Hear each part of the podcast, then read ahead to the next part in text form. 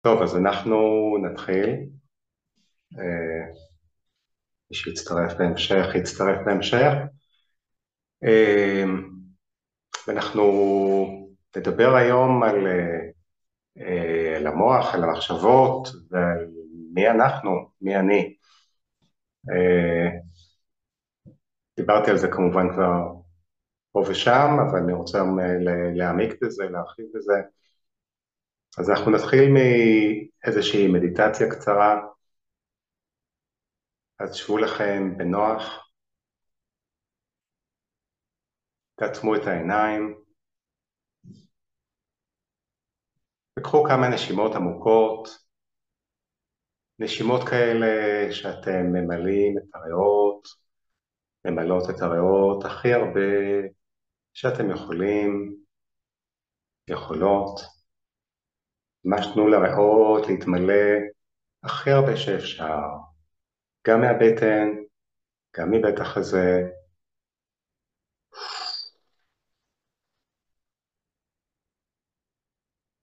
ולרוקן.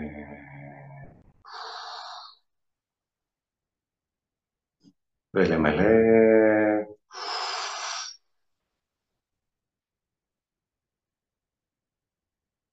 ולרוקן.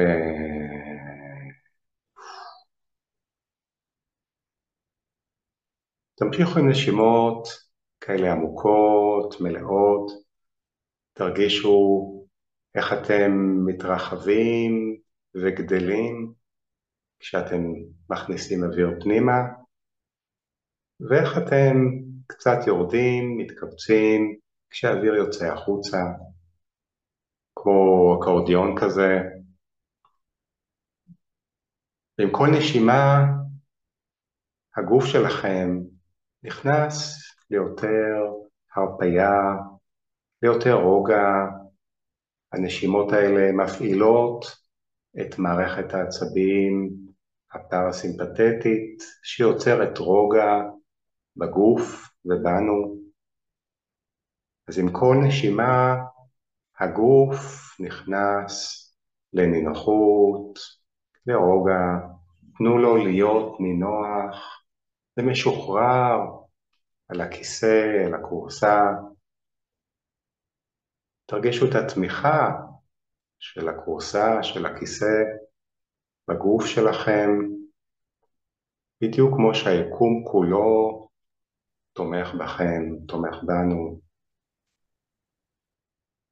ותאפשרו לעצמכם להיכנס פנימה עם כל נשימה לאותו מקום שקט, אותו מרחב פנימי עמוק ואין סופי.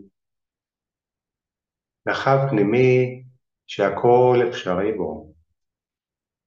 מרחב פנימי שהכל אפשרי בו ואנחנו יכולים ליצור את עצמנו בעצמנו כמו שאנחנו בוחרים. במרחב הפנימי הזה הכל אפשרי.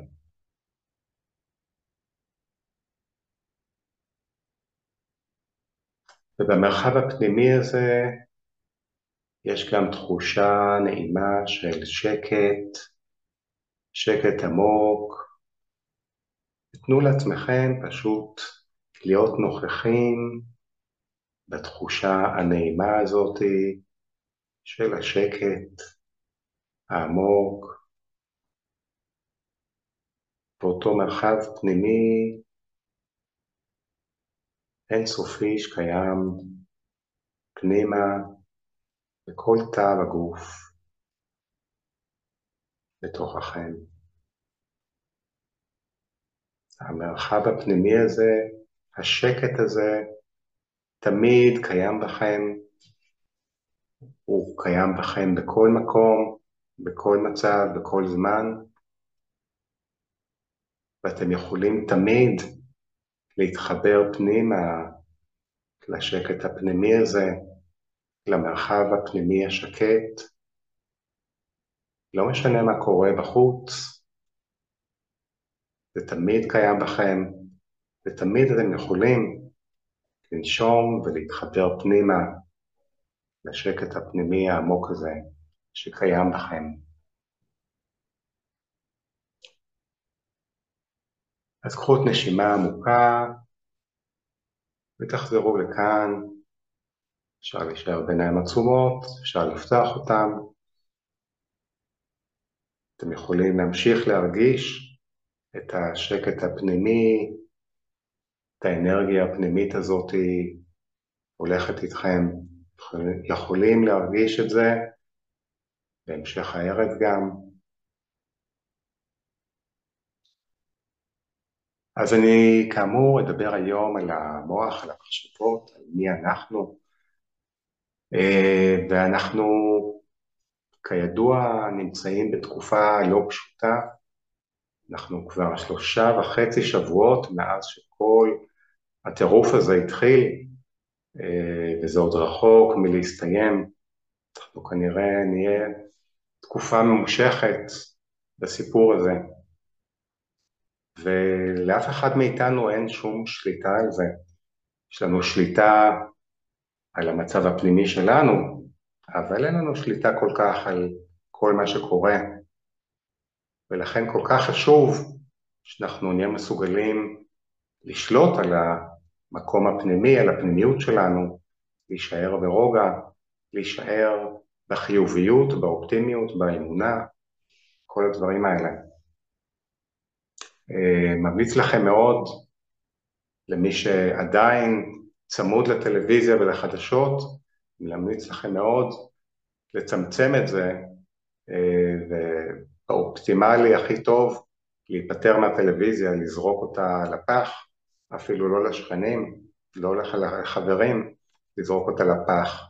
טלוויזיה, אה, במילה, בכמה מילים, זה מכשיר לשטיפת מוח, לעיצוב תודעה, כשמו כן הוא, באנגלית television, tele זה מרחוק, vision זה vision, וזה מכשיר להכניס לבן אדם שצופה את ה vision של מי שמייצר את השידורים. זה ממש מכשיר לעיצוב תודעה.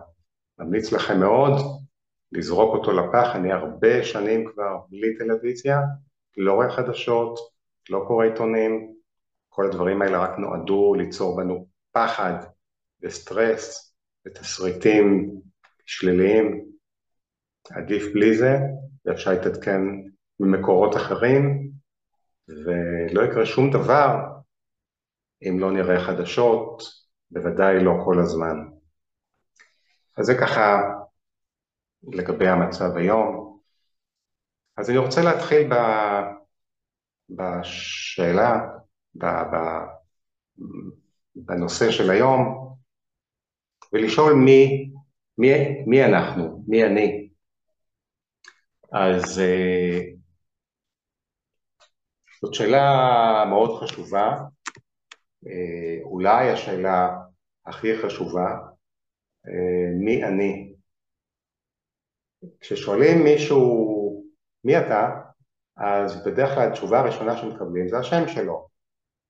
ואחר כך הם שואלים, לא, לא התכוונתי לזה, מי אתה? אז הוא יגיד אולי מה המקצוע שלו, במה הוא עוסק, אה, פרטים על המשפחה שלו, אה, אם הוא נשוי או לא, אם יש לו ילדים, כמה ילדים, איפה הוא גר, אולי מאיזה מדינה הוא, אה, אבל כל הפרטים האלה הם לא מי שאנחנו, הם מייצגים אותנו, הם אה, חלק מהחיים שלנו, אבל הם לא מי שאנחנו. אז בואו נתחיל לחקור את השאלה הזאת, מי אני? אז אמרנו, אני לא השם שלי, אני לא המקצוע, אני לא הצד המשפחתי שלי, אני גם לא חשבון הבנק, למרות שיש אנשים שמאוד מזדהים עם חשבון הבנק שלהם. אמ, אז האם אני הגוף שלי? מה אתם אומרים? האם אני הגוף שלי? אה, הגוף שלי הוא אמנם שלי והוא משמש אותי, משמש אותנו בחיים האלה, בעולם הארצי החומרי, אבל אנחנו לא הגוף שלנו. אם למישהו אה, נכרתת רגל בתאונה, האם הוא פחות ממה שהוא היה קודם? Hmm, לא חושב, אולי אפילו יותר כתוצאה מההתנסות הזאת. אז אנחנו לא הגוף שלנו. האם אנחנו הלב שלנו? הלב אומנם חלק מהגוף, אבל יש איזה תפקיד מיוחד ללב, מקום הרגשות אומרים, אז אם אנחנו הלב שלנו, אני חושב שלא, כי אם מישהו עובר אה, ניתוח השתלת לב, אז הוא לא הופך להיות מישהו אחר, הוא לא הופך להיות הבן אדם שממנו נלקח הלב שהושתל, למרות שיש מקרים אה, נדירים שבהם הבן אדם שקיבל את הלב פתאום מרגיש איזה דברים שהיו שייכים לבן אדם שממנו נלקח הלב, אבל זה נדיר וזה עדיין לא אומר שהוא הפך להיות הבן אדם האחר. אז אנחנו כנראה גם לא הלב שלנו. אוקיי, מה לגבי הרגשות שלנו? האם אנחנו הרגשות שלנו? רגשות אה, של כעס, של עצב, של שמחה, כל הרגשות, כל מיטה הרגשות. אם אנחנו הרגשות שלנו, אז אנחנו לא הרגשות שלנו, הרגשות שלנו הם בסך הכל מכלול של איזה שהם חומרים שזורמים בגוף, בין אם זה סרוטונין או דופמין או אנדורפינים או כל מיני חומרים אחרים, יש הרבה הרבה חומרים במוח ובגוף שמופרשים, והתמונה הספציפית של החומרים שזורמים הם גורמים לנו לתחושה מסוימת, לרגש מסוים. אז אנחנו לא ממש הרגשות שלנו. אם, אם בן אדם מרגיש מדוכא, האם הוא דיכאון? הוא לא דיכאון, הוא מדוכא, אבל הוא לא דיכאון. אותו דבר אם בן אדם שמח או עצוב או כל רגש אחר, אז הוא לא הופך להיות הרגש הזה. הוא מרגיש ככה באותו רגע, אבל הוא לא הופך להיות הרגש הזה. אז אנחנו גם לא הרגשות שלנו. למרות שהרבה אנשים מאוד מאוד מזדהים עם הרגשות שלהם. ואנחנו גם לא חרדה. הרבה אנשים סובלים מחרדה אה, בעידן הזה שלנו, ובמיוחד בתקופה הזאת עם כל מה שקורה. וחרדה למעשה זה, ההגדרה של חרדה זה התגובה הגופנית לפחד. אז זה יכול להיות פעימות לב יותר מהירות, קושי לנשום, עוד כל מיני תגובות, אבל האם הבן אדם הוא החרדה? האם החרדה היא הבן אדם? ברור שלא. אנחנו לא החרדה, החרדה זה רק איזושהי תחושה, איזושהי תחושה גופנית כתוצאה מפחד. ולמעשה אני מלמד אנשים, אנשים שיש להם חרדה, אני גם מלמד אותם כלים בשביל להשתחרר מהחרדה, אבל תמיד אני גם אומר להם, כשיש לכם חרדה, אפילו התקף חרדה, אתם לא חרדה, אתם יכולים להתבונן על החרדה ולבחור אה, בתוככם להרגיש טוב, גם כשבגוף יש סימפטומים של חרדה. אז אנחנו לא חרדה. אוקיי, האם אנחנו המחשבות, הגענו לדבר הכי מעודן, המחשבה. והמחשבות שלנו מצד אחד אנחנו לא רואים אותן ולא אה, אי אפשר לראות בהן, אי אפשר לגעת בהן, הן לא משהו מוחשי, אבל המחשבות שלנו יש המון המון כוח, המחשבות שלנו משפיעות למעשה על כל הרמות, על כל הרמות, מרמת האטום, המולקולה, לרמת, להכל. יש מחקרים שמראים שהמחשבות שלנו משפיעות על מים, אחת המולקולות הכי קטנות שיש, על מים, ואנחנו 70 אחוז מים, וכמעט בהכל יש מים, אז המחשבות שלנו משפיעות על מים.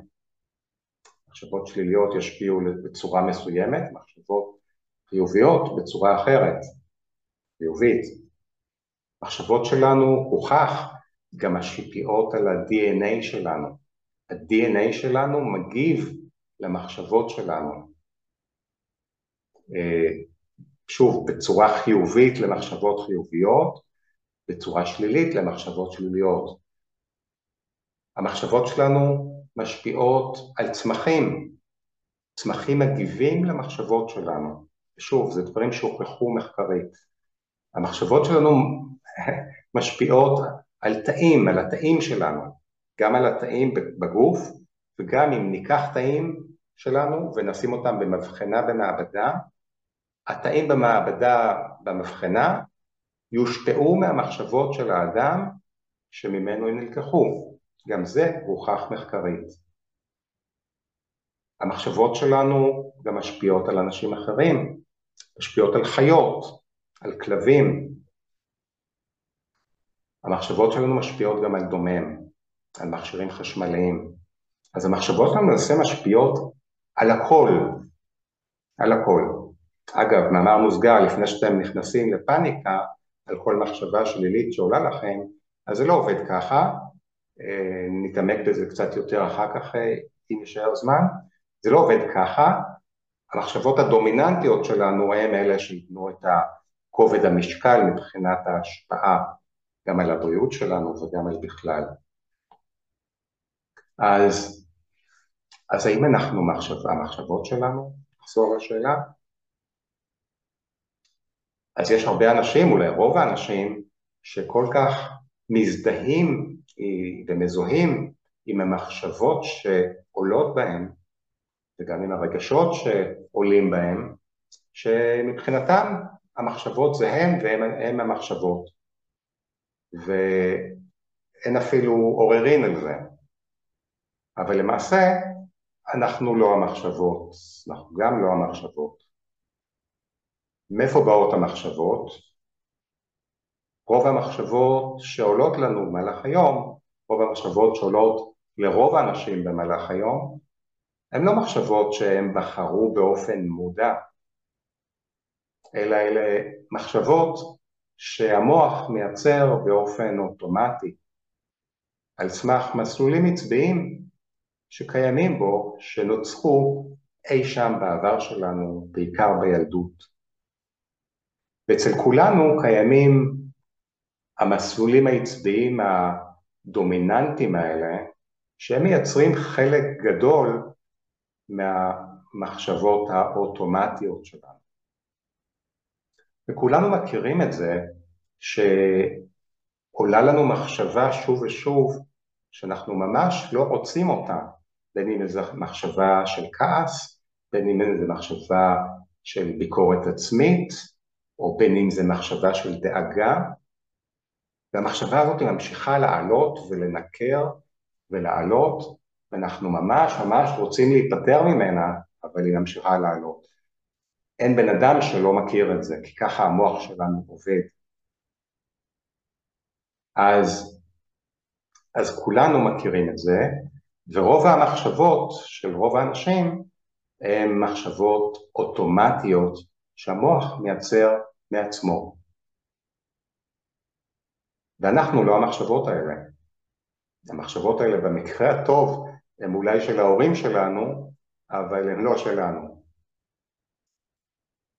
עכשיו, גם כשבן אדם בוחר מחשבה באופן מודע, אז עדיין הוא לא המחשבה הזאת, הוא בחר אותה, אבל הוא עדיין לא המחשבה הזאת. אוקיי, אז נראה רגע אם שכחתי כאן משהו. אז אה, אמרנו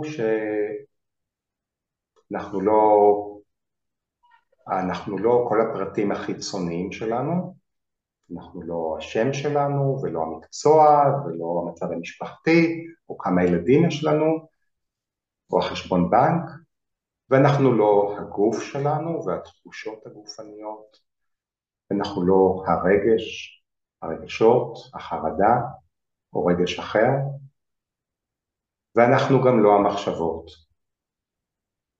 אז אם ככה, אז מה אנחנו? מי אנחנו? ולפני שאני אכנס ואענה לשאלה הזאתי, אז uh, אני רואה שיש כאן מישהו שהרים יד, אני כרגע, uh, יהיה זמן לשאלות אחר כך, אבל בינתיים אני מדבר ככה ברצף, אחר כך יהיה זמן לשאלות. אז לפני שאני אענה על כך, אני רוצה לשאול אתכם שאלה, אני אענה עליה, uh, כי השאלות הן אחר כך. והשאלה היא, האם יש לנו בחירה? האם יש לנו בחירה? מה שנקרא בחירה חופשית. אז כמובן שיש לנו בחירה, בוודאי שיש לנו בחירה. ואפשר לראות את זה ולהדגים את זה בדברים הכי פשוטים. למשל, אם אתם מתארחים איפשהו ושואלים אתכם אם אתם רוצים לשתות משהו, אתם יכולים לבחור, להגיד אה, לא תודה, או לבחור אה, כן, ולבחור לשתות מים או קפה או תה או מיץ תפוזים, אם יש. אז יש לנו בחירה, גם כשאנחנו אה, מבשלים לעצמנו אוכל, אז אנחנו יכולים לבחור מה לבשל. אז נכון שהדברים האלה מושפעים מדפוסים ומהתמכרויות, אבל עדיין יש לנו בחירה. ויש לנו בחירה גם על המחשבות שלנו. אז כל המחשבות האוטומטיות האלה שעולות בנו, שם אין לנו שליטה, שם אין לנו בחירה. אין לנו שום שליטה על המחשבות האוטומטיות שעולות בנו. אנחנו לא יכולים למנוע מהם לעלות. ואם ננסה למנוע מהם לעלות, אנחנו למעשה רק נחזק אותם. אם נתווכח איתם או נריב איתם, רק נחזק אותם. אז על המחשבות האוטומטיות האלה אין לנו שום שליטה. איפה כן יש לנו שליטה ובחירה? על התגובה שלנו. על התגובה שלנו כשעולות המחשבות האלה, אנחנו יכולים לבחור איך אנחנו מגיבים, ואנחנו יכולים לבחור לעבור למחשבה אחרת. יש לנו בחירה. ושוב, בשביל שתהיה בחירה, אנחנו צריכים קודם כל להבין ולהיות מודעים שהמחשבות האלה הן מחשבות אוטומטיות, הן לא באמת מחשבות שלנו. איפה, איפה עוד יש לנו בחירה? יש לנו, אין, לנו, אין לנו בחירה, אין לנו שליטה על כל מה שקורה בחוץ, בייחוד בתקופה הזאת, אין לנו שום שליטה על זה. על מה כן יש לנו שליטה ובחירה? על התגובה שלנו, על איך אנחנו מגיבים לזה, ועל הפעולות שלנו, על ההתנהגות שלנו, על המעשים שלנו. כאן יש לנו בחירה. אז ברור לגמרי שכן, יש לנו בחירה. אנחנו יכולים לבחור גם את המחשבות שלנו, במקום המחשבות האוטומטיות האלה שעולות, ואנחנו יכולים לבחור גם את המעשים שלנו, את הפעולות שלנו, את ההתנהגות שלנו, את הדיבור שלנו. בכל אלה יש לנו בחירה. אוקיי, אז יש לנו בחירה, ועכשיו אני רוצה, נחזור לשאלה, אוקיי, אז מי אני? וכאן אני רוצה שנעשה איזשהו תרגיל. זה תרגיל פשוט וקצר, שאני אוהב, שממחיש בצורה מאוד פשוטה את השאלה הזאת, מי אני? אז תשבו לכם שוב פעם בנוח, תעצמו עיניים,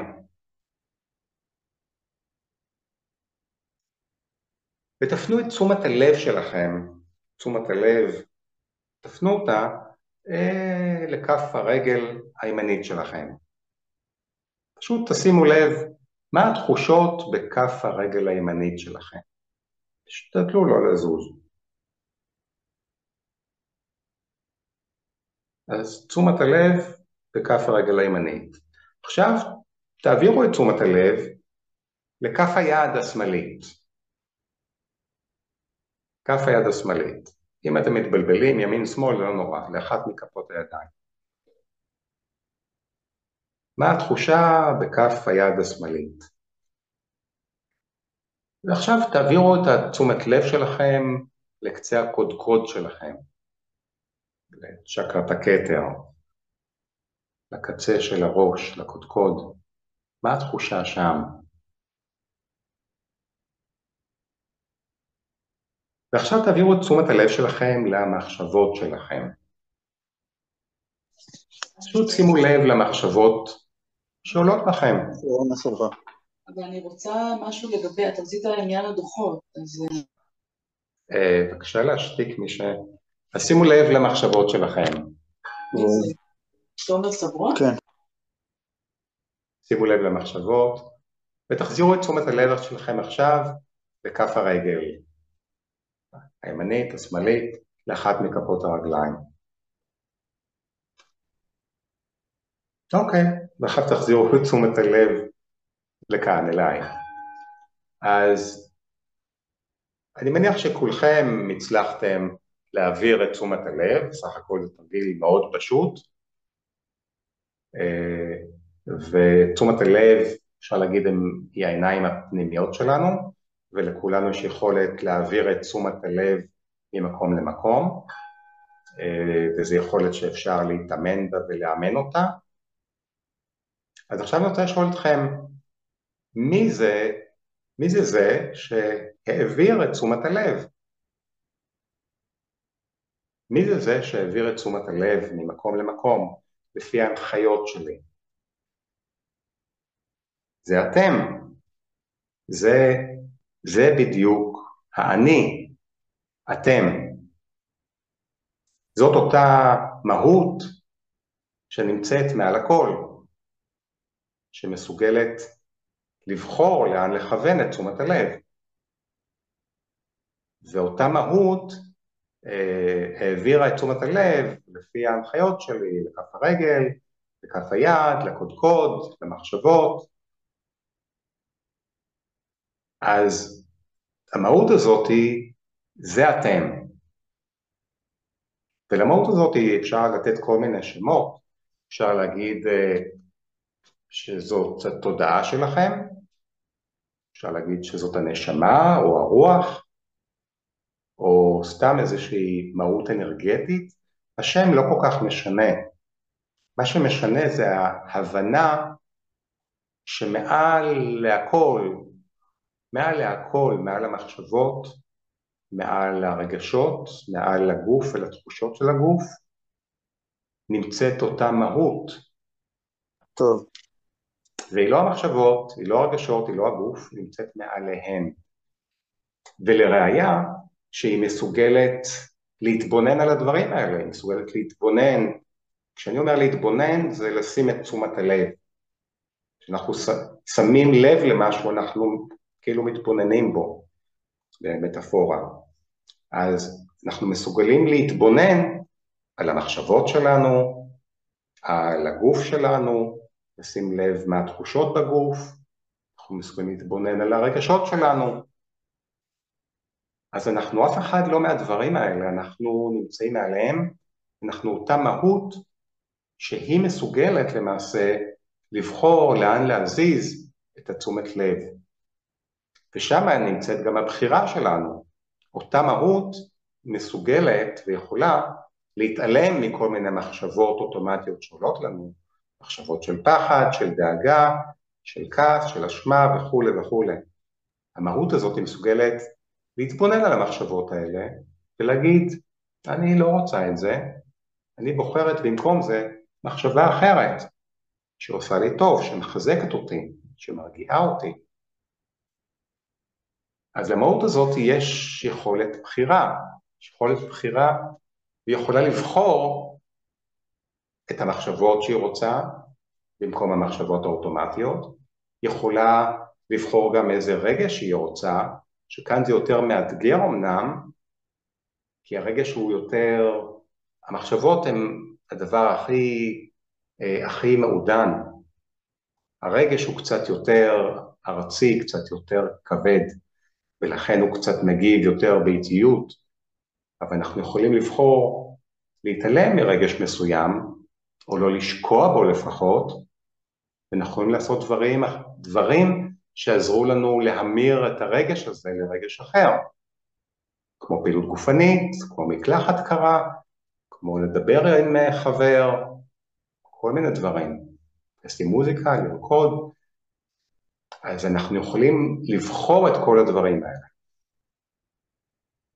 ואנחנו יכולים גם לבחור, כאמור, להתעלם כשיש תחושות לא נעימות בגוף, בין אם זה איזשהו כאב, כמובן שאם יש כאב צריך לבדוק מה מקור הכאב ולעשות מה שצריך בעניין, אבל אנחנו מסוגלים להתעלם מכאב, להיות מעליו, ואנחנו מסוגלים, כמו שאמרתי גם, להיות מעל החרדה ולבחור להישאר רגועים גם כשיש חרדה. זה נשמע קצת פרדוקסלי, אבל זה אפשרי. אני אספר לכם, אולי חלקכם יודעים, אפרופו להיות מעל לכאב, אני לפני די הרבה שנים החלפתי את כל סתימות האמלגם, כל הסתימות המתכת שמכילות כספית, החלפתי את כל הסתימות שלי בפה לסתימות לבנות. אה, זה היה די הרבה סתימות, כי כבר עשרים שנה נראה לי אין לי סתימות, אבל בעבר היו לי, ועשיתי את זה בארבע סשנים, כל פעם הרופא שיניים עשה רבע פה, ועשיתי את זה בלי זריקות הרדמה. פשוט הכנסתי את עצמי למצב מדיטטיבי, למצב היפנוטי, והתבוננתי מלמעלה, מהצד, על כל מה שקורה. זה לא שלא הרגשתי מה קורה, הרגשתי את הכאב בצורה מאוד עמומה, ותקשרתי עם הרופא, אבל הייתי מעל הכאב, וזה אפשרי. זאת יכולת שכל אחד יכול ללמד את עצמו. אז באותו אופן אנחנו יכולים להיות מעל המחשבות, או מעל הרגש, או מעל התחושה הגופנית או החרדה, ולבחור במקום זה מה שאנחנו בוחרים ורוצים. אז אותה מהות, אותה מהות שהיא אנחנו, אה, התודעה הזאת היא למעשה לגמרי חופשייה ומשוחררת. וזה דרך אגב אותו מקום פנימי שקודם במדיטציה היינו בו ונכחנו בו, זה המקום הזה שבו הכל אפשרי, כי התודעה שלנו היא לגמרי חופשייה ומשוחררת, כשאנחנו מאפשרים לה להיות חופשייה ומשוחררת. היא כבולה רק כשאנחנו כבולים על ידי הדפוסים שלנו, האמונות שלנו, ההרגלים וההתמכרויות שלנו והפחדים שלנו, אז התודעה הופכת להיות יותר ויותר מצומצמת, פחות ופחות חופשייה, אבל במהות שלה היא חופשייה ומשוחררת. והדמיון, דרך אגב, הדמיון זה הכלי של התודעה. לכן אנחנו יכולים לדמיין כל דבר שאנחנו רוצים, כי התודעה היא יכולה הכל, היא חופשייה והיא משוחררת. אז התודעה שלנו היא חופשייה, היא נמצאת מעל לכל הרעש הפנימי שכל הזמן קיים בתוכנו, הרעש הזה של המחשבות והתחושות של הגוף והרגשות, וזה כל הזמן, זה נונסטופ, אף פעם לא מפסיק הרעש הזה, אבל אנחנו נמצאים מעליו. וכשאנחנו זוכרים את זה ומתחברים למקום הזה, שם יש שקט. זה השקט שהרגשנו קודם, השקט הפנימי הזה. זה כמו שבחוץ יכול להיות סערה, אבל באוקיינוס פנימה המים רגועים ושקטים. אותו דבר בהשאלה, גם אנחנו. אז אוקיי, עוד נקודה אחת חשובה, קודם כל רוב האנשים לא מודעים לזה, רוב האנשים כמו שאמרתי מאוד מזדהים ומזוהים עם כל הרעש הזה, עם המחשבות שלהם, עם האגו, עם הפחד, עם הגוף ותחושות הגוף, עם הרגשות שלהם, וזה שולט בהם לגמרי. ולכן התודעה, המהות הזאת היא, כאילו נעלמה, היא שקופה, היא, היא, היא מסתתרת, כמו שמש מאחורי ענני גשם כבדים, שלא רואים אותה, אבל היא קיימת. אז דבר ראשון, קודם כל, זה להבין את זה ולדעת את זה, ולהפחית ולצמצם את ההזדהות שלנו עם המחשבות, ולצמצם את ההזדהות שלנו עם הרגשות ועם הגוף. זה לא אומר שאנחנו לא מטפלים בגוף, זה לא אומר שאנחנו לא קשובים לרגשות שלנו, זה לא אומר שאנחנו לא משתדלים לחשוב את המחשבות הנכונות, אבל אנחנו עושים את זה מתוך ידיעה שאנחנו לא אף אחד מהם, אנחנו נמצאים מעליהם. אנחנו תודעה, ואנחנו תודעה חופשייה ומשוחררת. וגם כשאנחנו בוחרים לחשוב מחשבה מסוימת, אנחנו לא המחשבה הזאת, היא בסך הכל מחשבה. עכשיו, אה, כולנו, ללא יוצא מהכלל, כולנו, כשאנחנו אה, יוצאים לבגרות, אנחנו שבויים בדפוסים, בדפוסים עמוקים, דפוסי מחשבה, דפוסי התנהגות, והדפוסים האלה הולכים ומעמיקים ככל שאנחנו הולכים ומתבגרים. והדפוסים האלה שולטים בנו, דפוסי מחשבה ששולטים בנו, דפוסי התנהגות ששולטים בנו, אמונות ששולטות בנו, וזה שולט בנו ביד רמה אה, לחלוטין, עד שאנחנו מתחילים לשחרר את עצמנו מזה. אם אנחנו לא משחררים את עצמנו מזה, זה ימשיך לשלוט בנו כנראה עד יומנו האחרון. אבל ברגע שאנחנו מבינים את זה, מבינים שאלה דפוסים ששולטים בנו וזה לא אנחנו, אנחנו יכולים לשנות את זה, כי המוח הוא גמיש, ואנחנו מתחילים לבחור מחשבות אחרות במקום האוטומטיות, ולבחור אה, התנהגויות אחרות וכולי, אז אנחנו למעשה מתחיל תהליך שבו אנחנו משחררים את עצמנו יותר ויותר, וזה תהליך ארוך וממושך, יש בו הרבה נפילות, יש בו הרבה נסיגות, יש בו הרבה קשיים ואתגרים, אבל אם אנחנו מתמידים, אז אנחנו משחררים את עצמנו עוד טיפה ועוד טיפה, עוד צעד ועוד צעד, יותר ויותר. ואנחנו מגיעים למצב שאנחנו יותר ויותר משוחררים, ולמעשה השינוי הזה, השחרור הזה מתבטא ממש במוח, ממש שינוי מבני במוח, כן, שינוי מבני במסלולים במוח, וככל שאנחנו מתמידים בתהליך הזה, מחשבות האוטומטיות הישנות ילכו ויחלשו, יחלשו עוד ועוד, ולעומת זאת המחשבות החדשות שבהן אנחנו בוחרים באופן מודע, הם ילכו ויתחזקו, הם ילכו ויתחזקו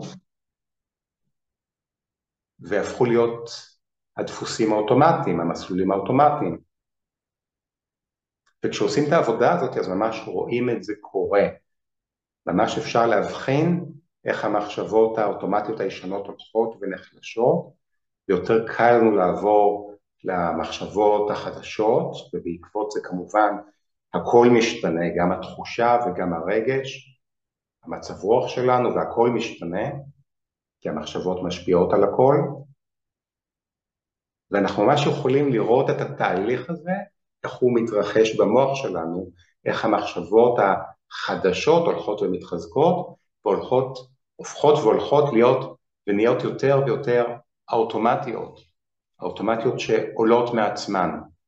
וזה תודות כמובן לגמישות של המוח ולשינוי שאנחנו יוצרים במוח באמצעות הבחירות שלנו, באמצעות אותה מהות, תודעה חופשייה שבוחרת אחרת. ואנחנו ככה יכולים בתהליך ליצור את עצמנו איך שאנחנו בוחרים ורוצים. והכל למעשה ניתן לשינוי בתוכנו, הכל. אין דבר בתוכנו שלא ניתן לשינוי. אני אומר את זה בתור מישהו שעשה הרבה שינויים פנימיים בחיים שלו, מבן אדם שהיה מאוד מאוד סגור ומופנם בגיל ההתבגרות ובשנות ה-20 ואפילו ה-30 המוקדמות, פחדתי להוציא מילה מהפה, ממש ככה. והיום אתם רואים שאני לא ככה. אה, או אה, בעבר דיברתי עם מלא טעויות וכתבתי בטעויות, וקראתי לאט ולא הבנתי מה אני קורא ועוד כל מיני דברים. זה השתנה, המוח שלנו גמיש, הכל למעשה ניתן לשינוי אם אנחנו משנים את זה באופן מודע ומתמידים בתהליך הזה. עכשיו אני רוצה לחבר את זה רגע לתקופה הזאת, אה, אז אנחנו חווים תקופה, כולנו חווים תקופה לא פשוטה, לא קלה, קשה, מאתגרת, קורים דברים קשים, אה, קרו דברים קשים וקורים דברים קשים, ויש הרבה אי ודאות, ויש הרבה כל מיני ספקולציות, והדברים האלה בלתי נמנע שהם יעוררו מחשבות של פחד, מחשבות של uh, תחושה של חרדה לפעמים. אז מה אנחנו עושים עם זה? אז קודם כל, כל הכלים שדיברתי עליהם במפגש הקודם, שיכולים לעזור לנו להפחית את החרדה ולהיות יותר רגועים ולשמור על הבריאות שלנו, גם הגופנית וגם הנפשית, כל אותם דברים כמו אה, פעילות גופנית, כמו תזונה נכונה, כמו שינה וסדר יום, כמו לצאת לשמש וכולי וכולי, כמובן כמו המחשבות שלנו, לבחור את המחשבות הנכונות. אז יש את כל הדברים האלה כמובן, אבל מעבר לזה, יש לנו את היכולת הזאת, וחשוב שנזכור את זה, שאנחנו יכולים להיות מעל לכל הדברים האלה. ולהיות מעל זה לא אומר שאנחנו אדישים או לא רגישים, ממש לא. זה אומר שאנחנו לא שוקעים לתוך זה, שאנחנו לא מזדהים עם זה וזה משתלט עלינו, אלא אנחנו מתבוננים על הדברים מהצד, מלמעלה, ואנחנו יכולים להכיל אותם וגם לעשות מה שצריך בשביל להקל על עצמנו ולהישאר רגועים בתוך כל הקושי הזה. וזה מאוד מאוד חשוב, כי אני קצת אחרוג כאן מהנושא, אבל המחשבות שלנו, כמו שאמרתי, המחשבות שלנו וגם הרגש שלנו משפיעות על הכל וגם על אחרים. אז אם אנחנו בפחד ובחרדה, אנחנו יוצרים השפעה שלילית על אחרים ובעולם. אמנם זה טיפה באוקיינוס, אבל כאמור טיפה ועוד טיפה ועוד טיפה יוצרות את האוקיינוס. וכל אחד מאיתנו הוא טיפה באוקיינוס הזה, וכל אחד מאיתנו יכול לשנות ולשלוט רק על עצמו. אז יש חשיבות אדירה שכולנו, כל אחד ואחת, נוודא שאנחנו בתדר הנכון, שאנחנו ברוגע, שאנחנו באופטימיות, באמונה, אפילו בשמחה, וחובה להיות בשמחה אפילו בימים האלה. זה לא אומר שאנחנו לא עצובים על מה שקורה, זה לא אומר שאנחנו לא אה, עצובים על כל אחד שנפגע, או, או מתפללים לשלומם של אלה ששבויים עדיין, אבל אנחנו יכולים בתוך זה גם להיות רגועים ולחוות שמחה. שמחה מכל הדברים הקטנים שקיימים. זה מזכיר לי את אותה אה, בחורה שהזכרנו אותה גם פעם קודמת, אה, נועה נדמה לי קוראים לה, שנמלטה מהתופת שם במסיבה ההיא והתחבאה, או, או מאחד, מאחד היישובים נדמה לי בעצם, והתחבאה בתוך איזשהו שיח ובתוך הזוועה הזאת, והיא כל הזמן הזכירה לעצמה גם לנשום וגם להתבונן על, על הציפור או על השמיים או על העננים אה, ופשוט להודות על הדברים האלה והצליחה להישאר רגועה ובהודיה בתוך התופת הזאת. דבר שהוא באמת מעורר השראה ובלתי ייאמן וזה מראה לנו שזה אפשרי בכל מצב. אם היא הצליחה אז כל אחד יכול להצליח, זה רק עניין של להבין שזה אפשרי ולהתאמן בזה. אמ, אז אני תכף אסיים ואתן זמן לשאלות.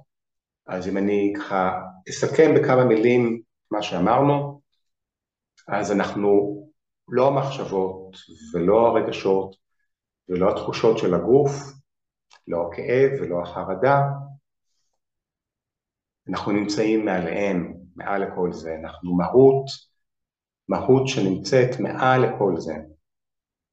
תודעה חופשייה, משוחררת, ויש לנו יכולת להתבונן על הדברים האלה ולבחור את מה שאנחנו רוצים ובוחרים.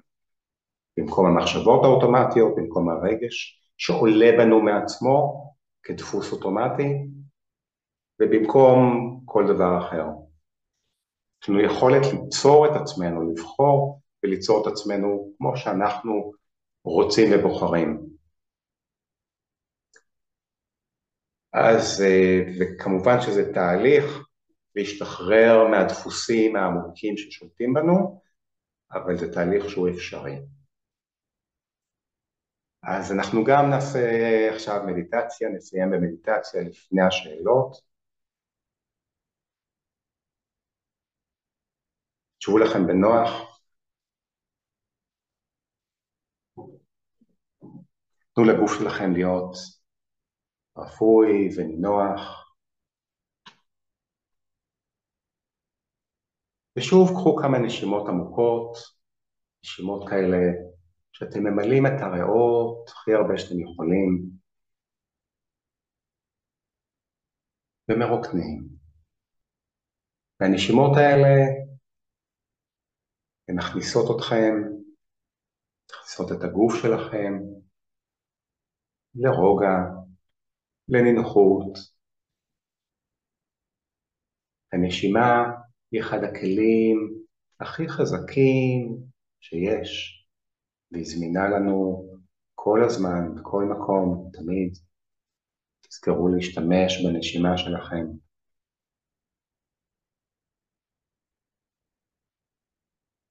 אז תזכרו, תזכרו שאתם נמצאים מעל לכל מה שקורה בתוככם. תזכרו שאתם תודעה משוחררת וחופשייה. תזכרו שאתם מסוגלים להתבונן, להתבונן מהצד, מלמעלה, על המחשבות, על הרגש, על התחושה, על הכאב, על הכל. אתם אף אחד מהדברים האלה. אתם מהות אנרגטית, תודעה, שנמצאת מעל הכל, מסוגלת ליצור לעצמה את עצמה איך שהיא רוצה. יש לכם בחירה בחירה להתעלם ממחשבות ודברים שלא עושים לכם טוב, ולבחור במקומם מחשבות ודברים שעושים לכם טוב, שמחזקים אתכם, שמרגיעים אתכם, שעושים לכם טוב ועושים טוב בעולם. ואתם אותה תודעה משוחררת שנמצאת מעל הכל ויכולה להתבונן ולהפנות את תשומת הלב לאן שהיא בוחרת, לאן שאתם בוחרים. ותזכרו את זה תמיד, תזכרו את זה כשאתם הולכים לישון, תזכרו את זה בבוקר כשאתם מתעוררים, ותזכרו את זה לאורך כל היום.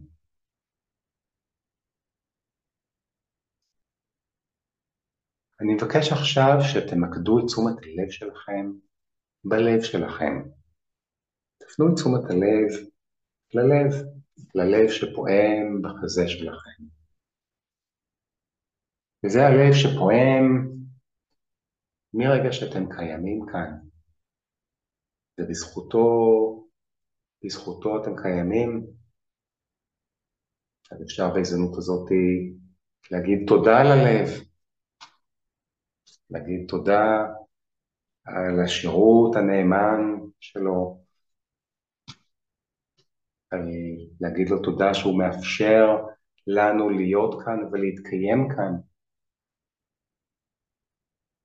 24-7 כל הזמן הוא פועם, מזרים דם לכל התאים בגוף.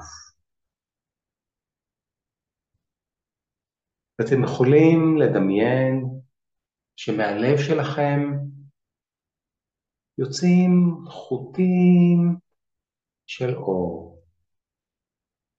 חוטים דקיקים של אור, אור זוהר וכסוף, והחוטים האלה יוצאים מהלב שלכם, והם מתפשטים בחלל ומגיעים לאנשים שנמצאים בקרבה שלכם, או לאנשים שקרובים אליכם וחשובים לכם. והחוטים האלה מגיעים ללב שלהם. וככה הלב שלכם מחובר ללב שלהם עם חוט דקיק של אור, של אנרגיה. ומהלב שלהם גם יוצאים חוטים דקיקים של אור שמתחברים לאנשים אחרים. וגם מהלב שלכם אתם יכולים לשלוח עוד חוטים של אור לעוד אנשים.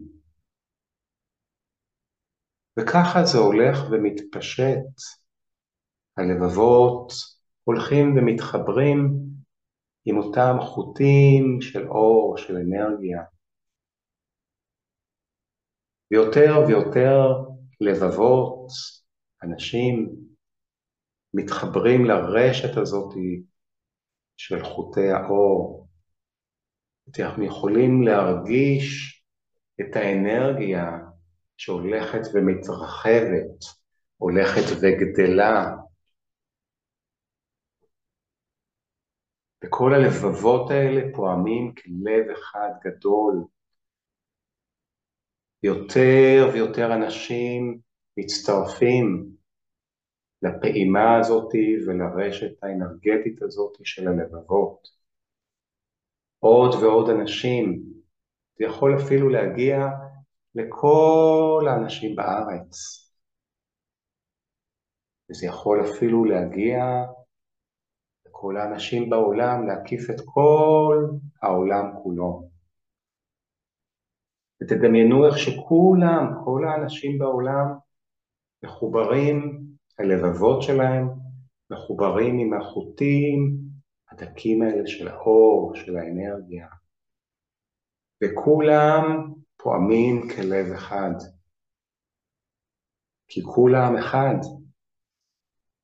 כי כולם באמת אחד ומחוברים אנרגטית. אז כל הלבבות מחוברים בתדר של אור, בתדר של אהבה, שממלא את כל הלבבות ומחבר את כל הלבבות ואת כל האנשים בתדר של אור ואהבה. אתם יכולים לאפשר לעצמכם פשוט להרגיש את זה, להיות נוכחים בתחושה המופלאה הזאתי איך שהכל, כולם מחוברים, וכל הלבבות פועמים כאחד. יכולים להרגיש איך האור הזה ממלא כל תא בגוף שלכם. כל תא בגוף של כל האנשים בעולם.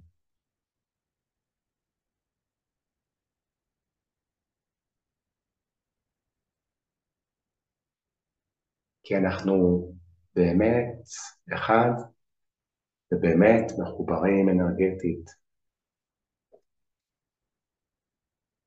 ולשם, לרשת הזהובה, לרשת הזאת של הלבבות שפועמים כאחד, לשם פנינו מועדות. מהחושך בוקע האור, מהחושך בוקע אור חזק יותר. ועוד ועוד לבבות אכן מצטרפים לחיבור הזה של האור, האהבה, הופכים להיות כלב אחד של אור ואהבה ואחדות.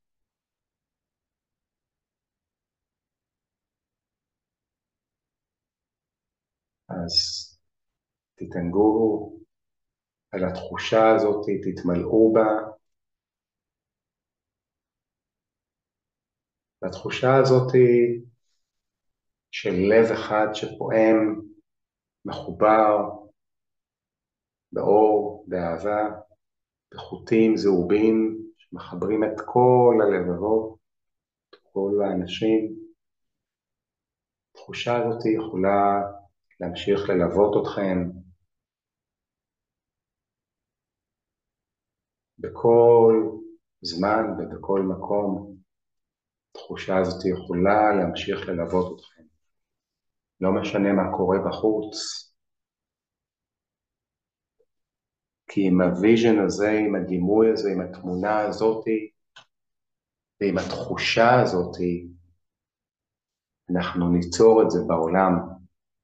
לא משנה כמה זמן זה ייקח, כמו שהתהליך האישי שלנו לוקח זמן, ככה גם התהליך העולמי באנושות, אבל הוא קורה והוא יקרה. ואנחנו יוצרים את התהליך הזה על ידי הדימויים שלנו, על ידי המחשבות שלנו, על ידי האנרגיה שלנו.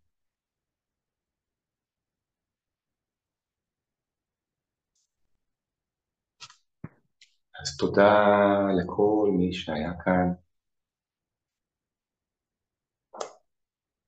אתם יכולים לאט לאט בקצב שלכם לחזור לכאן, ואנחנו נפתח עכשיו את הבמה לשאלות. כל מי שרוצה להגיד משהו, לשאול, מוזמן, מוזמן, מוזמנת, מוזמנים. תודה רבה, למדתי הרבה. הופתעתי שאני לא יודעת מי זה אני, ורציתי לשאול, האם בכל רגע יש בי יכולת להתעלם ולהיות המודעות, התודעה שלי? לא כן. משנה כן, מה קורה. בהחלט. אני אחזור על השאלה, את שואלת, אה, אה, האם יש בנו יכולת בכל רגע ובכל מצב אה, להיות התודעה המודעת הזאת, המשוחררת? כן. התשובה היא כמובן שכן, זה כמובן אבל דורש תרגול ואימון. אה, זה התהליך הזה שדיברתי עליו, כי הדפוסים הישנים, העמוקים, הם חזקים והם שולטים בנו, ולכן קל מאוד להיסחף ולשקוע בדפוסים האלה. אבל ככל שאנחנו מתאמנים בזה יותר ויותר, ככה היכולת שלנו להיות מעל הדפוסים האלה ולהישאר במודעות, בנוכחות כאן ועכשיו ובתודעה החופשייה הזאת, היכולת הזאת היא הולכת וגדלה. ובסופו של דבר כן, זה אפשרי להיות ככה בכל זמן ובכל מצב. בהחלט כן. תודה על השאלה. תודה. אה, סליחה, כן. שלום. כשאתה אומר, כשאתה אומר אה, לתרגל את זה, כן, כדי שזה ייטמע עם הזמן, אז אתה מתכוון בעצם, כמו שעשית איתנו את התרגיל, על להעביר את התשומת לב, זאת אומרת, להיות מעל הכל, מעל הרגשות, מעל המחשבות, זאת אומרת, להעביר את תשומת הלב, נגיד אם מחשבה שלילית, אז אני מהר מעבירה אותה למחשבה אחרת שמחזקת. זה הכוונה ותרגול כל הזמן לזה? כן, אז תודה על השאלה, יעל. אני אחזור עליה למקרה שלא מישהו לא שמע. השאלה היא אה, לגבי איך אנחנו מתרגלים ומתאמנים אה, לחזק את היכולת שלנו להיות בתודעה המשוחררת, במודעות הזאת, אה, האם זה על ידי, כמו התרגיל הזה שעשינו, של להעביר את תשומת הלב ממקום למקום. אז קודם כל, כן, זה תרגיל שאתם יכולים לחזור ולעשות אותו, ולמעשה זה סוג של מדיטציה, אבל הוא לא בהכרח מספיק, אה, כי חשוב גם שאנחנו ניצור דפוסים חדשים, שלא רק אה, נהיה מעל הדפוסים הישנים, אלא גם ניצור דפוסים חדשים. כי אם לא ניצור דפוסים חדשים, אז אנחנו לעד אה, נצטרך להיות מעל הדפוסים הישנים ולא לתת להם לשלוט בנו. אבל כשאנחנו יוצרים יותר ויותר דפוסים חדשים שאנחנו בוחרים באופן מודע, אז אנחנו מסוגלים, אז, אז אנחנו יוצרים שינוי במוח, שינוי בדפוסים, שינוי בפיזיולוגיה של הגוף, שינוי בכל הרמות, ואלה הדפוסים החדשים שיהפכו להיות יותר ויותר אוטומטיים, ואנחנו עדיין, חשוב שנהיה בנוכחות ובמודעות ובכאן ועכשיו, ונזכור שאנחנו תודעה חופשייה, כי שוב, אנחנו גם לא המחשבות החיוביות האלה שאנחנו יוצרים, אבל לפחות אנחנו, זה עושה לנו, אפשר להגיד, את העבודה יותר קלה, כי אנחנו יצרנו את עצמנו כמו שאנחנו רוצים. אותה תודעה מסוגלת ליצור את עצמה כמו שהיא רוצה להיות, ליצור את המוח, לתכנת את המוח, את המודע. אז uh, התשובה היא כן, אבל אבל בנוסף כדאי לעשות את התהליכים האלה של ההיפנוזה העצמית, של ליצור דפוסים חדשים ולחזק אותם במוח, בתת המודע ובעצמנו. וכמובן שזה, שוב, זה תהליך שהתרגול היומיומי הוא חשוב, גם תרגול בעיניים עצומות וגם במהלך היום, תוך כדי שאנחנו ביום יום שלנו, בדברים שאנחנו עושים, פשוט להיות מודעים לזה ולזכור את זה.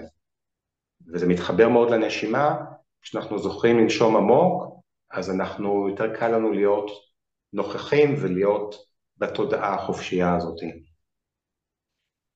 אז תודה על השאלה. הדפוס החדש זה בעצם לשים לב על התחושות ולמחשבות ברגע הנוכחי? עקרונית כן, אני, אני אחזור לשאלה אם, אם הדפוס החדש זה להתבוננות, לשים תשומת לב, להיות בתשומת לב על המחשבות, על כל מה שקורה? התשובה היא כן, אה, כי כשאנחנו מתאמנים בזה, אז גם זה הופך להיות, אפשר להגיד, דפוס אוטומטי, אנחנו יותר ויותר מסוגלים להיות אה, באופן אוטומטי במרכאות אה, בתשומת לב הזאת ובנוכחות הזאת. זו יכולת שככל שאנחנו מתאמנים בה, היא הופכת להיות יותר ויותר דפוס אוטומטי. אה, כמו גם עם נשימות עמוקות, אנחנו מתאמנים בנשימות עמוקות, אז עם הזמן הנשימות העמוקות הופכות להיות הדפוס האוטומטי, אז זה דומה. אה, כן, תודה. אפשר שאלה? אפשר, כן. אה, דבר ראשון, שיתוף קטן על המדיטציה, אפשר? מה לעשות? לא, יש לי איזה שיתוף על המדיטציה הזאת. שיתוף, בוודאי, בטח, בשמחה.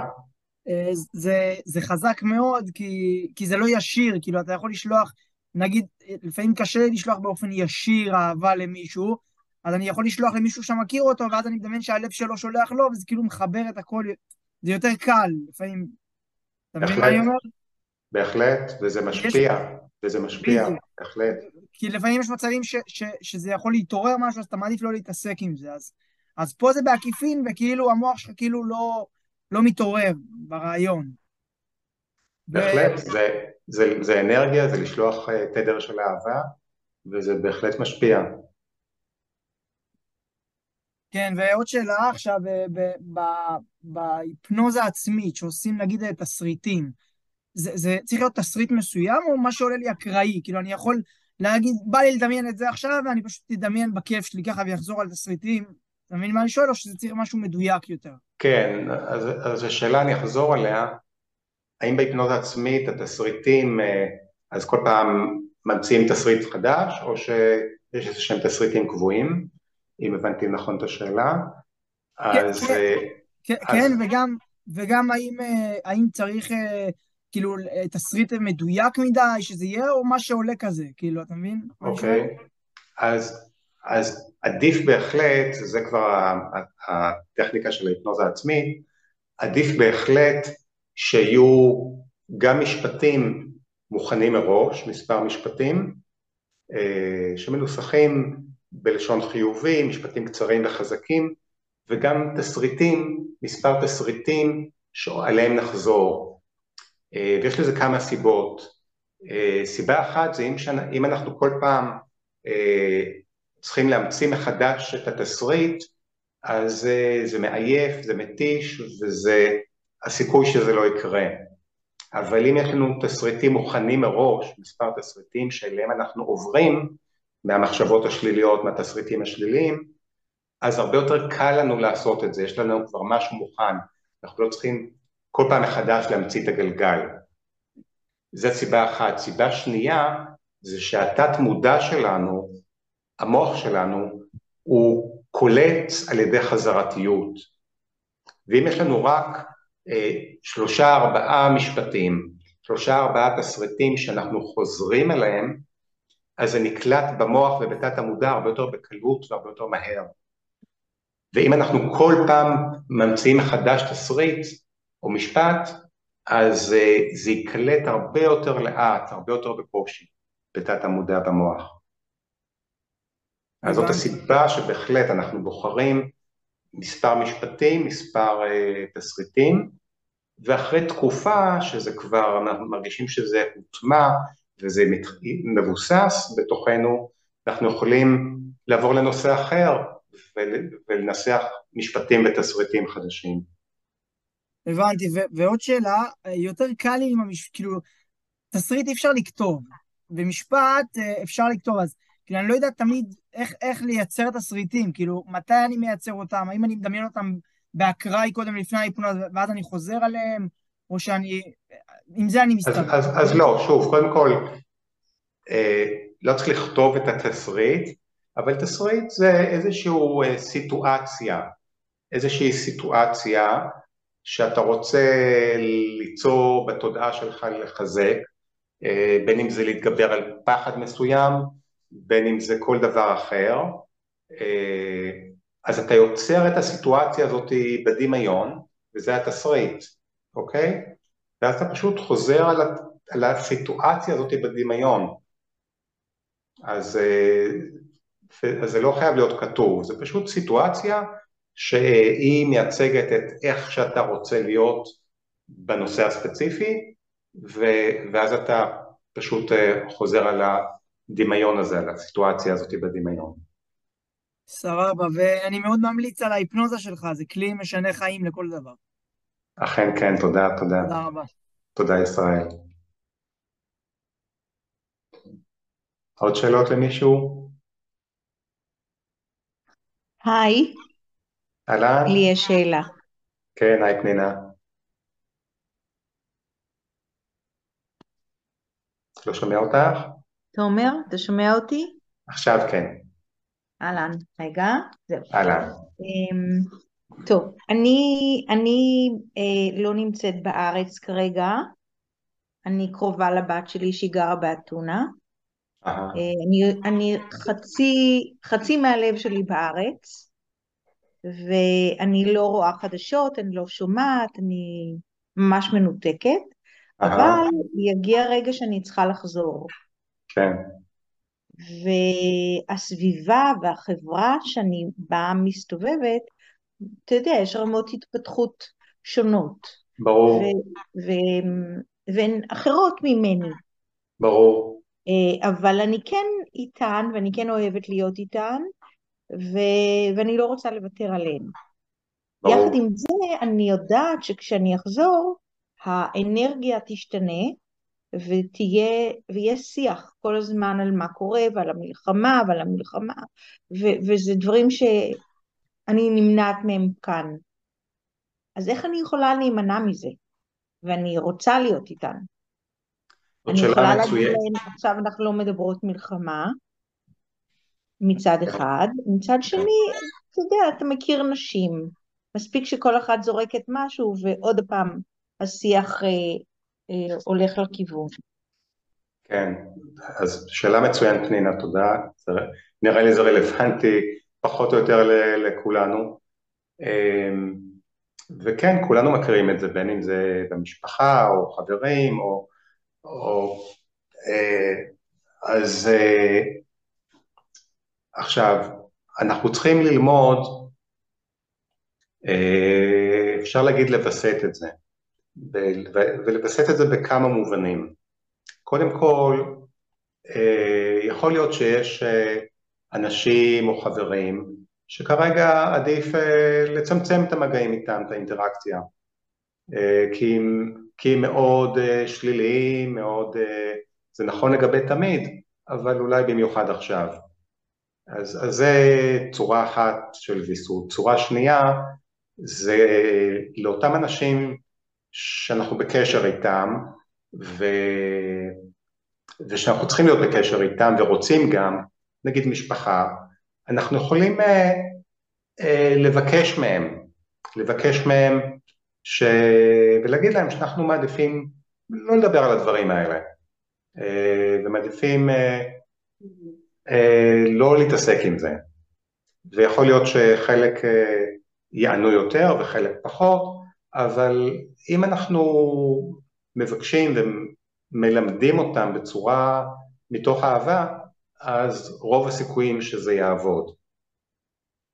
אמ, אני אשתף למשל אמ, מישהו שסיפר לי שמה הוא עשה.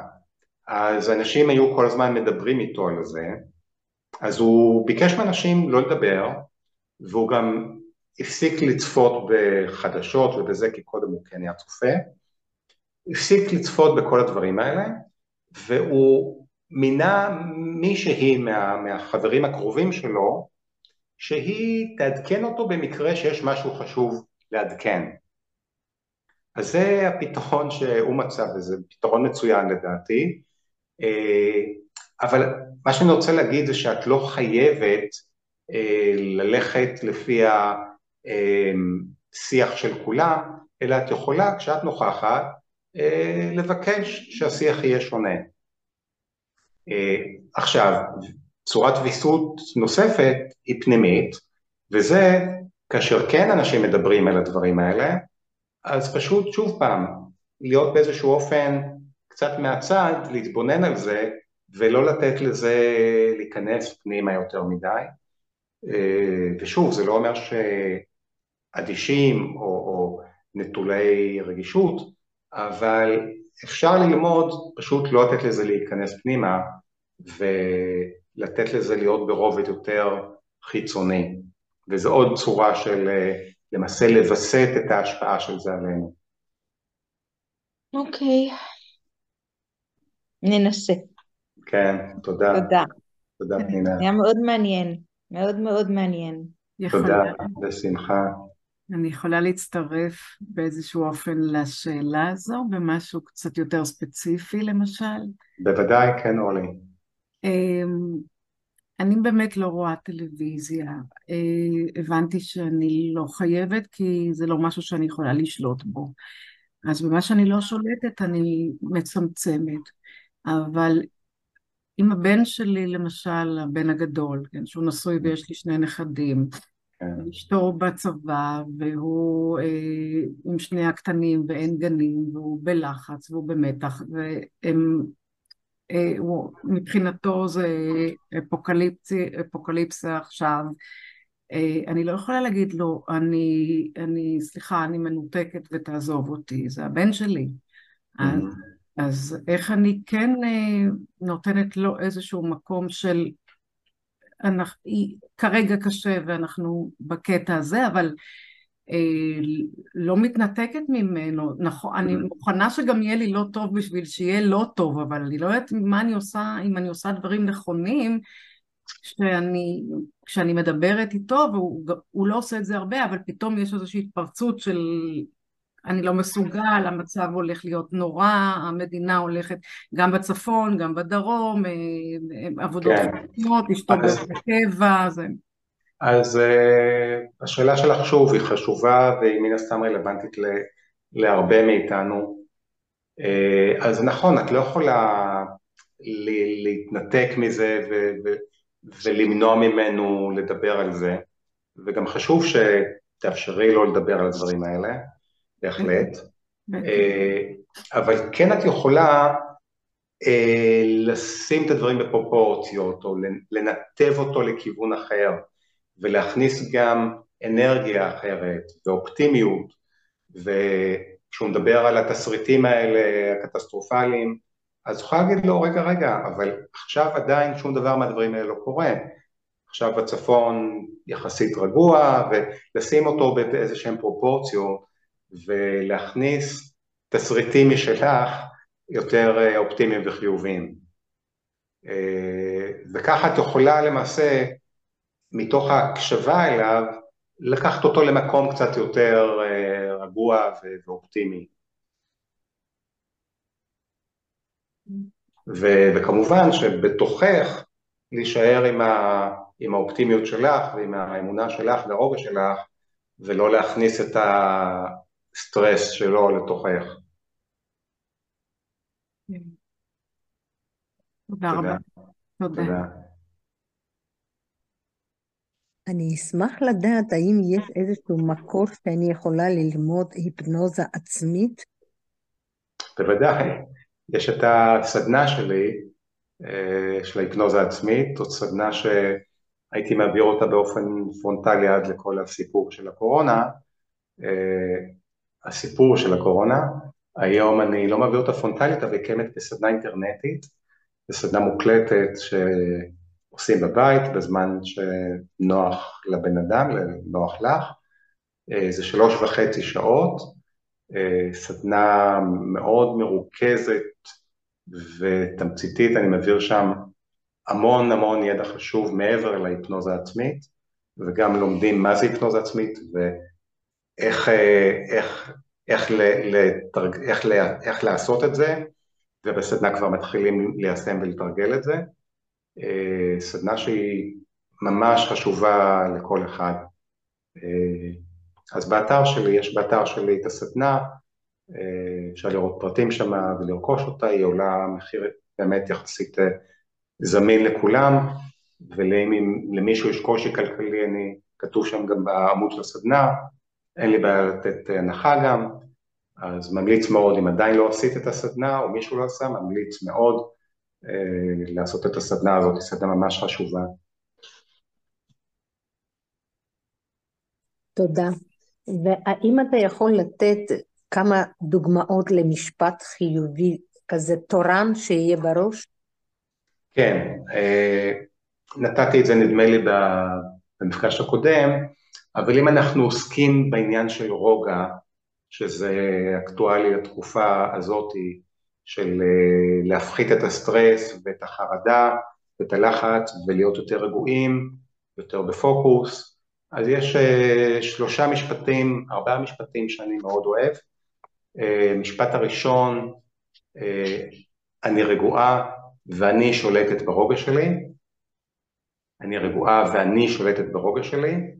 והמשפט הזה הוא גם מאוד קשור לעניין של הנשימות העמוקות שמפעילות את המערכת של הרוגע, אה, אז זה לא סתם משפט, אלא באמת יש לנו שליטה על הרוגע, ו...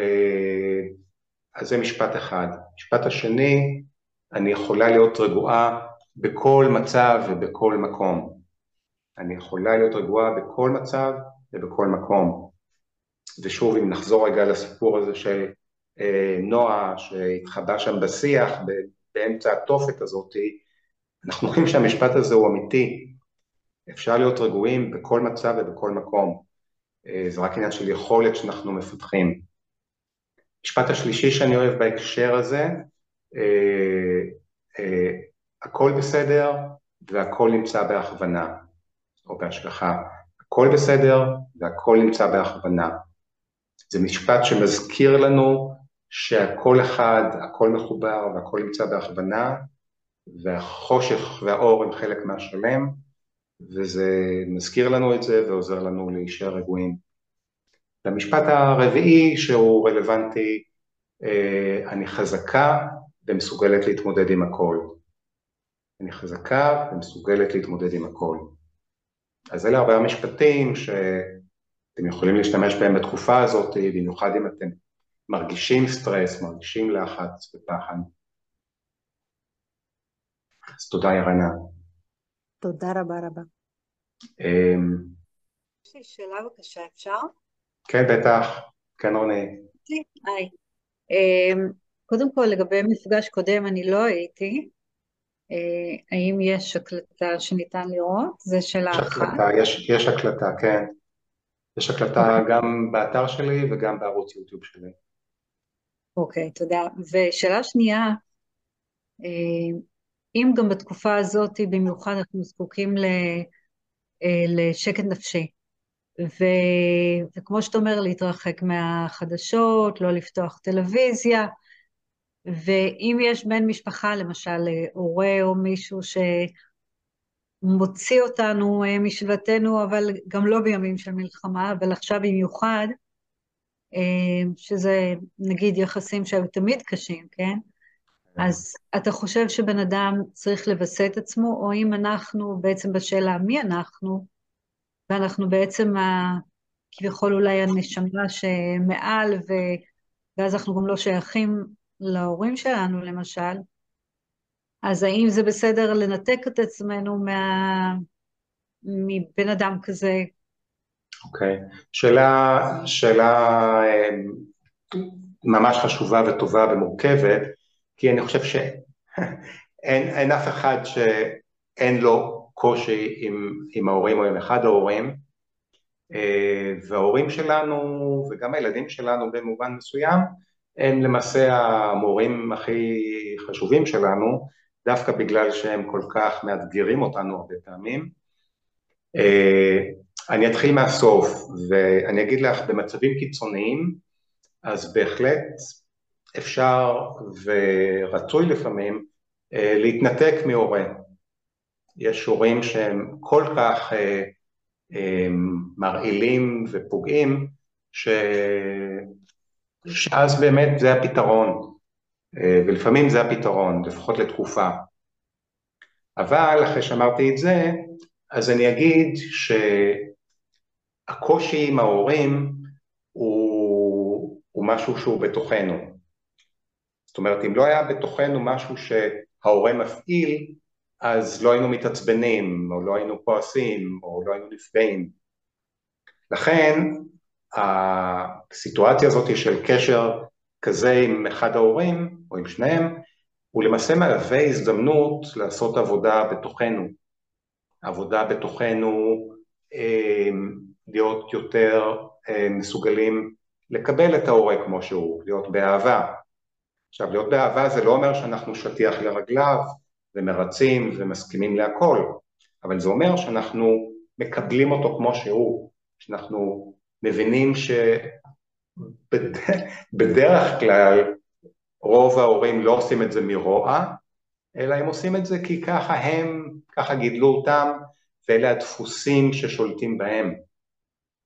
אה, אז אנחנו מסוגלים יותר ויותר לקבל אותם כמו שהם, ואז זה פחות מפעיל אותנו, ואז זה פחות אה, אה, מעצבן אותנו, או פחות אנחנו נפגעים וכולי וכולי. אז זה תהליך שלמעשה איזשהו ריפוי גם פנימי וגם בקשר, ולעבור יותר ויותר לקבלה ולתדר של אהבה.